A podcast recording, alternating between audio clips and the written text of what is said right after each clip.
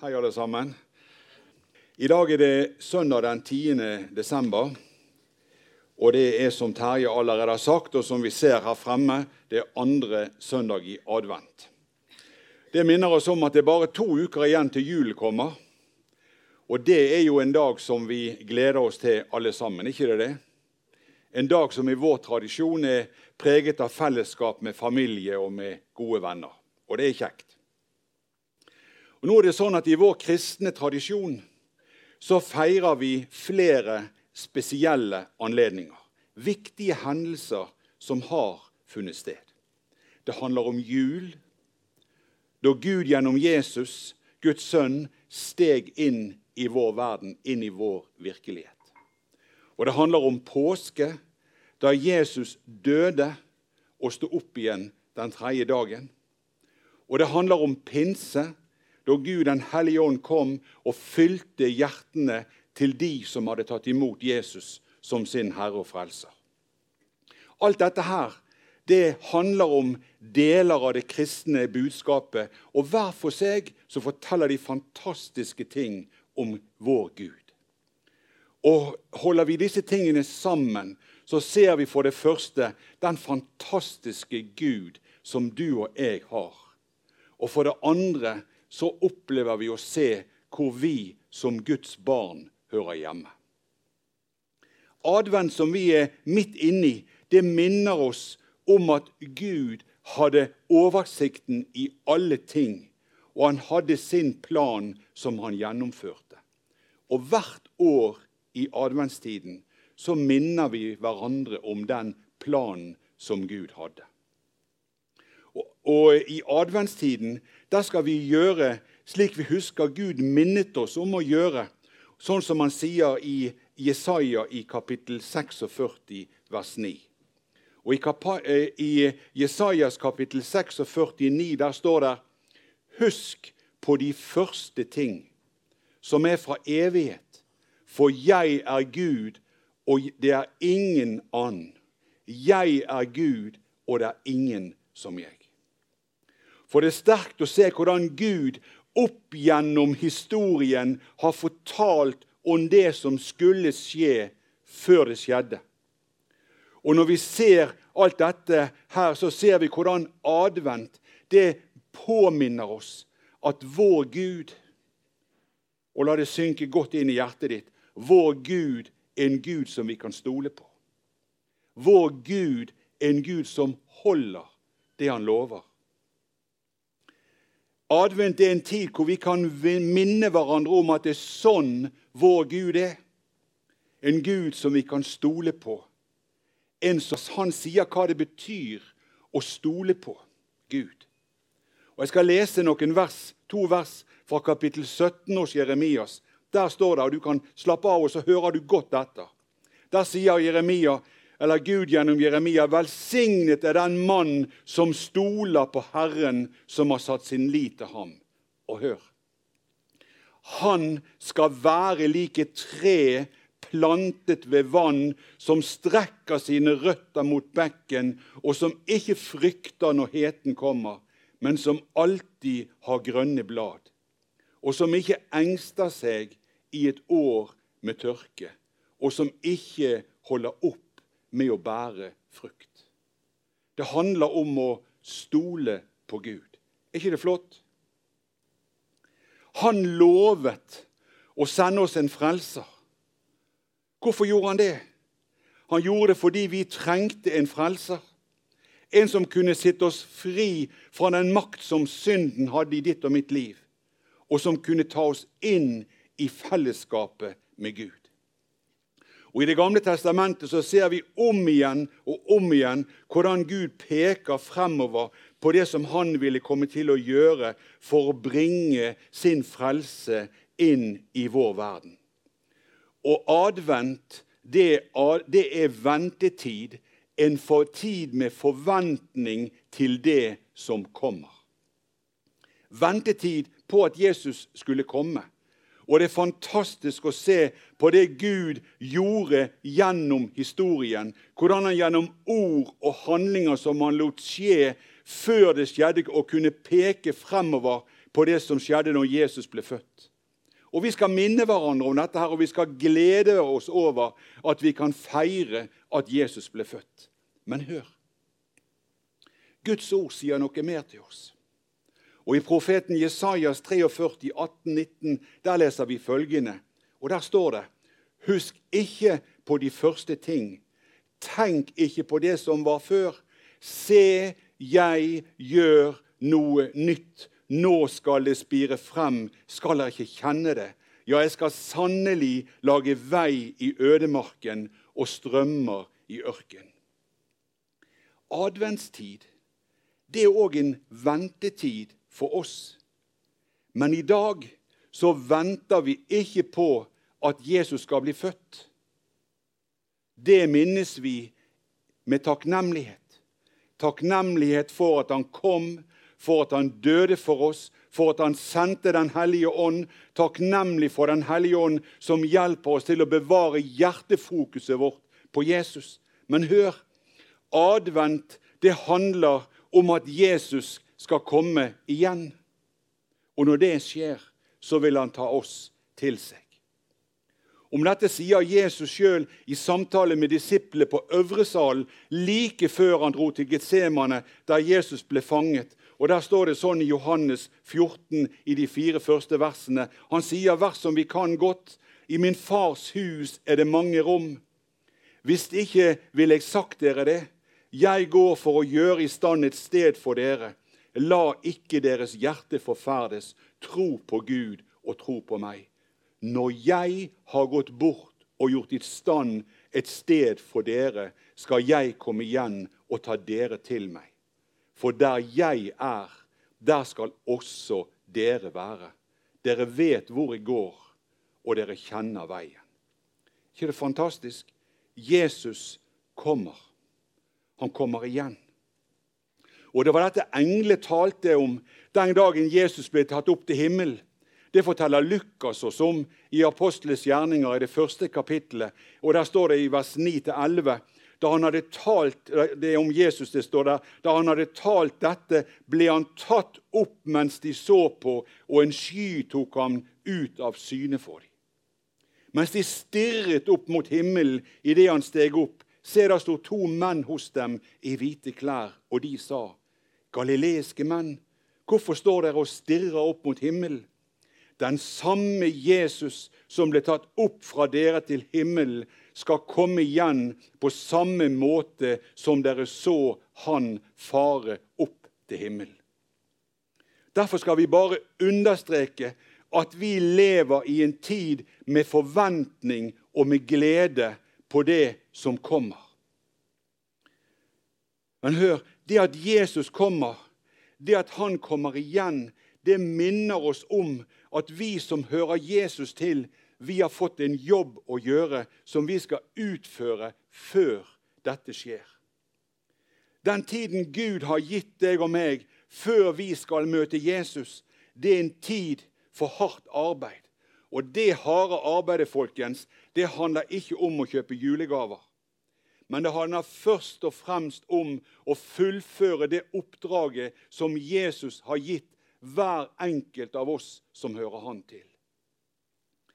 Den teksten som jeg kjente vi skal dele kort med oss nå i den siste delen av det som jeg skal si, den finner vi i Lukasevangeliet, i det 14. kapittelet. Og vi skal lese først fra vers 15 til 17. Og Her møter vi Jesus på en sabbatsdag. Og Lukas forteller at Jesus han er invitert inn til en av de øverste lederne blant fariseerne for å spise brød. Og Lukas han bemerker at de som var til stede der på denne samlingen, de passet nøye på hva Jesus ville komme til å foreta seg. Og det er spennende. Det første Jesus gjør, er at han, han, han helbreder en syk som var der. En mann som hadde masse vann i kroppen, står det. De som var der inne blant de øverste blant, sammen med fariseerne, de visste om denne mannens behov, men de gjorde ingenting for å hjelpe. Jesus derimot, han helbredet denne mannen, og de andre, pussig nok, de sa ingenting. Deretter så Jesus hvordan det var de som var av betydning i samfunnet, som var innbudt. Og han så at det var en status å få de beste plassene ved bordet. Alle ville være den som fikk størst oppmerksomhet. Og Jesus han tok et oppgjør med det òg. For det handlet ikke om, om å bli innbudt og bli beæret. Det handler om å gjøre noe godt uten å vente gjengjeld. Og han sa, men når du holder gjestebud, da innby fattige, vannføre, lamme og blinde. Og du skal være salig, for de skal ikke gi deg noe til gjengjeld, men du skal få gjengjeld i de rettferdiges oppstandelse. Og så fortsetter Jesus når han, i det han viser oss tydelig hvem Jesus tenker på vi skal ha fokus rettet på i vår adventstid, ventetiden, inntil han kommer. Her som du og jeg befinner oss i dag. Og Da leser vi videre, og der står det Hør godt etter. Da nå en av dem som satt til bords med ham, hørte dette, sa han til ham, salig er den som sitter til bords i Guds rike. Da sa han til ham, et menneske holdt et stort festmåltid og innbød mange. Da tiden for festmåltidet kom, sendte han tjeneren sin ut for å si til dem som var innbudt, Kom, for nå er alt gjort ferdig. Men hver av dem som uh, av dem begynte å unnskylde seg. Den første sa til ham, 'Jeg har kjøpt et stykke jord, og jeg må gå og se på det. Jeg kan be ber deg om at du må ha meg unnskyldt.' En annen sa, 'Jeg har kjøpt meg fem par okser, og nå går jeg for å prøve de. Jeg ber deg å ha meg unnskyldt.' Og en annen sa, 'Jeg har tatt en kvinne til ekte, og derfor kan jeg ikke komme.' Tjeneren kom da tilbake og fortalte om alt dette til sin herre. Da ble husets herre vred og sa til tjeneren sin.: Gå i hast ut på byens store og små gater og før inn de fattige, de vannføre, de lamme og de blinde. Tjeneren sa, Herre, det er gjort som du befalte, og ennå er det rom. Da sa Herren til tjeneren, gå ut på veiene og ved gjerdene og overtal folket til å komme inn, så huset mitt kan bli fullt. For jeg sier dere at ingen av de mennene som var innbudt, skal få ta del i festmåltidet mitt. Denne teksten viser oss noe som vi også her i vårt samfunn må være våken for.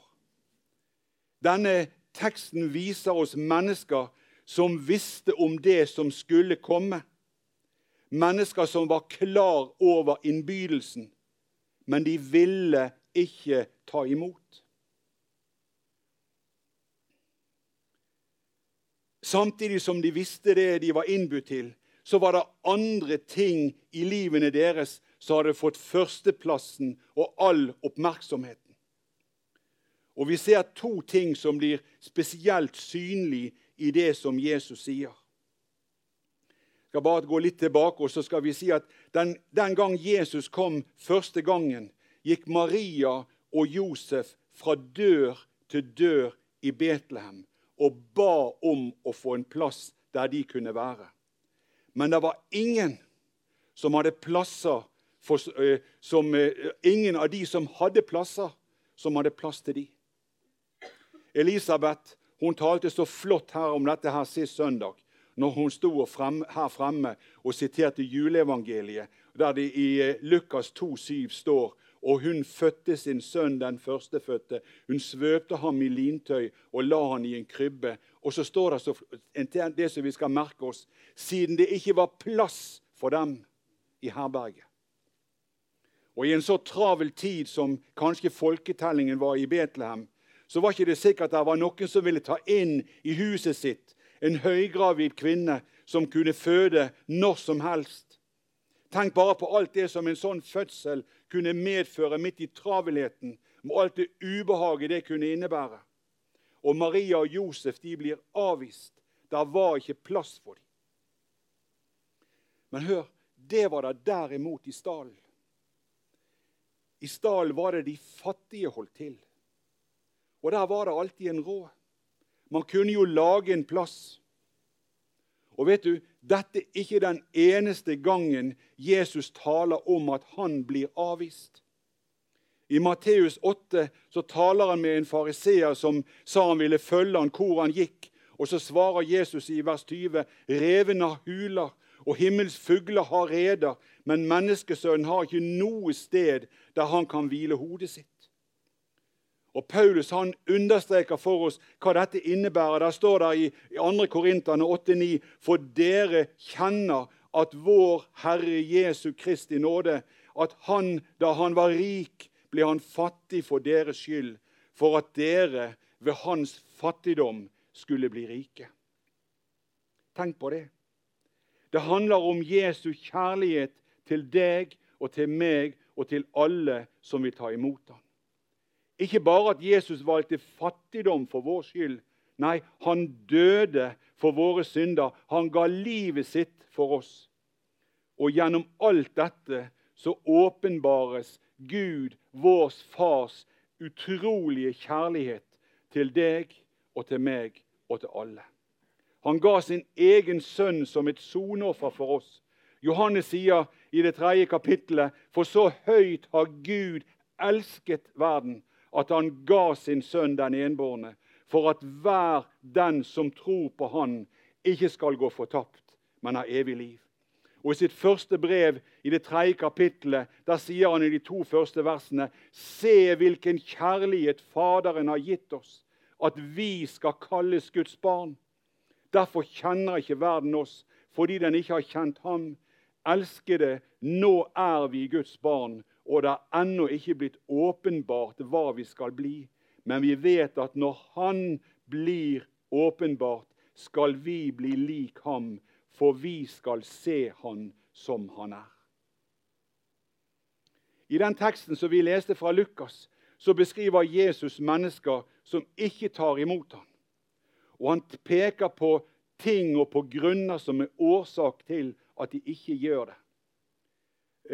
Jesus han peker på omstendighet som gjør at også du og jeg, vi som lever her, her og nå i vår tid, vi må tenke over dette, og vi må òg reflektere over det.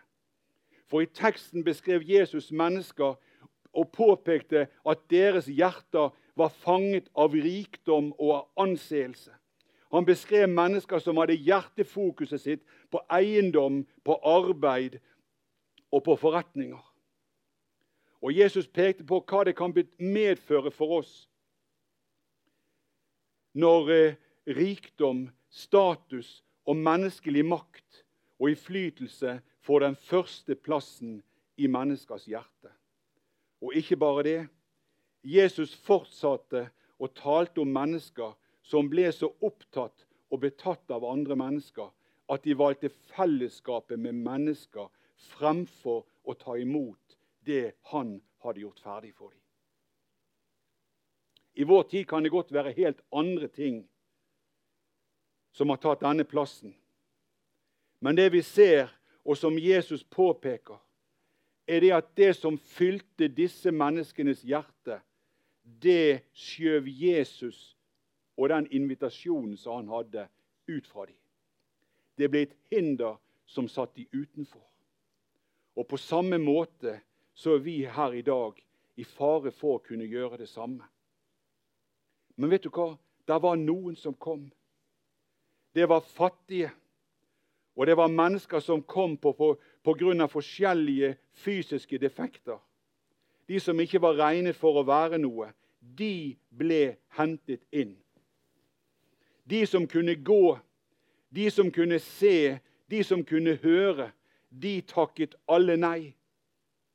Men de som ikke kunne gå og ikke kunne se og ikke kunne høre, de ble oppsøkt og fikk muligheten. Det var en mennesker som kom til dem og inviterte dem og tok dem med seg. Og så ble de hjulpet inn, og de fikk ta imot. Men hør, der var ennå plass. Og det er her du og jeg og alle som hører Jesus til, kommer inn i denne sammenhengen. Vi er de som skal utføre oppdraget Jesus gir oss i vår tid. Vi oppfordres til å skynde oss, skynde oss til å invitere. Også de som ikke har så mye å strekke seg etter menneskelig talt. De som ikke føler at de strekker til, sammenlignet med alle de andre som synes å gjøre det. Det er ikke bare det at disse skal inviteres inn. Vi skal gå ut og oppmuntre mennesker. Ja, Jesus sier vi skal overtale mennesker til å komme. Vet du hvorfor? Når Jesus kommer, blir døren lukket.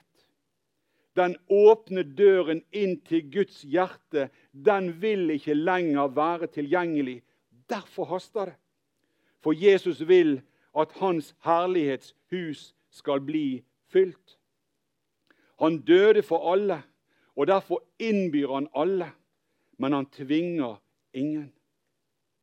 Og Adventstiden er en påminnelse til oss om det oppdraget som Jesus har kalt oss til å gjøre. Og når vi gjør det Jesus oppfordrer oss til å gjøre, ja, da kan vi få erfare gleden. Erfare den gleden det er å få se mennesker som kommer og tar imot invitasjonen. Advent det er en tid hvor vi kan kjenne gleden over at Jesus kom, og det skal vi glede oss over. Men advent er òg en tid der vi skal få løfte blikket og kjenne gleden over at Han som kom, han kommer. For han kommer, og han kommer snart. Han Jesus, vår Herre og Frelser, han er det som er vår fremtid. Han er det som er vårt håp for tid og for evighet. Og du og jeg og alle som vil, er velkommen til den store festen. Jesus sier alt er ferdig. Jeg har lyst til å, Vi skal bare be litt sammen. Kjære Jesus, jeg takker deg for det at vi skal få lov å minne hverandre om dette i dag, Herre. At du har invitert oss ikke bare eh, inn til et, eh, til et fellesskap her, Jesus, men du har invitert oss inn i et fellesskap som har en fremtid og et håp, Herre. Og nå ber jeg for hver enkelt av oss som er her i dag, at du for det første fyller hjertet vårt med en lengsel etter å ta imot deg, slik at vi kan stå der rede når du kommer, Herre. Og så ber jeg om at vi må være mennesker som er i hardt arbeid når du kommer, i arbeid etter å vinne nye mennesker for deg, Herre. Det ber vi om. Velsign menigheten vår, Herre. La oss få lov å være en menighet som løfter blikket oppover, og som løfter blikket utover. Det ber vi om i ditt navn. Amen.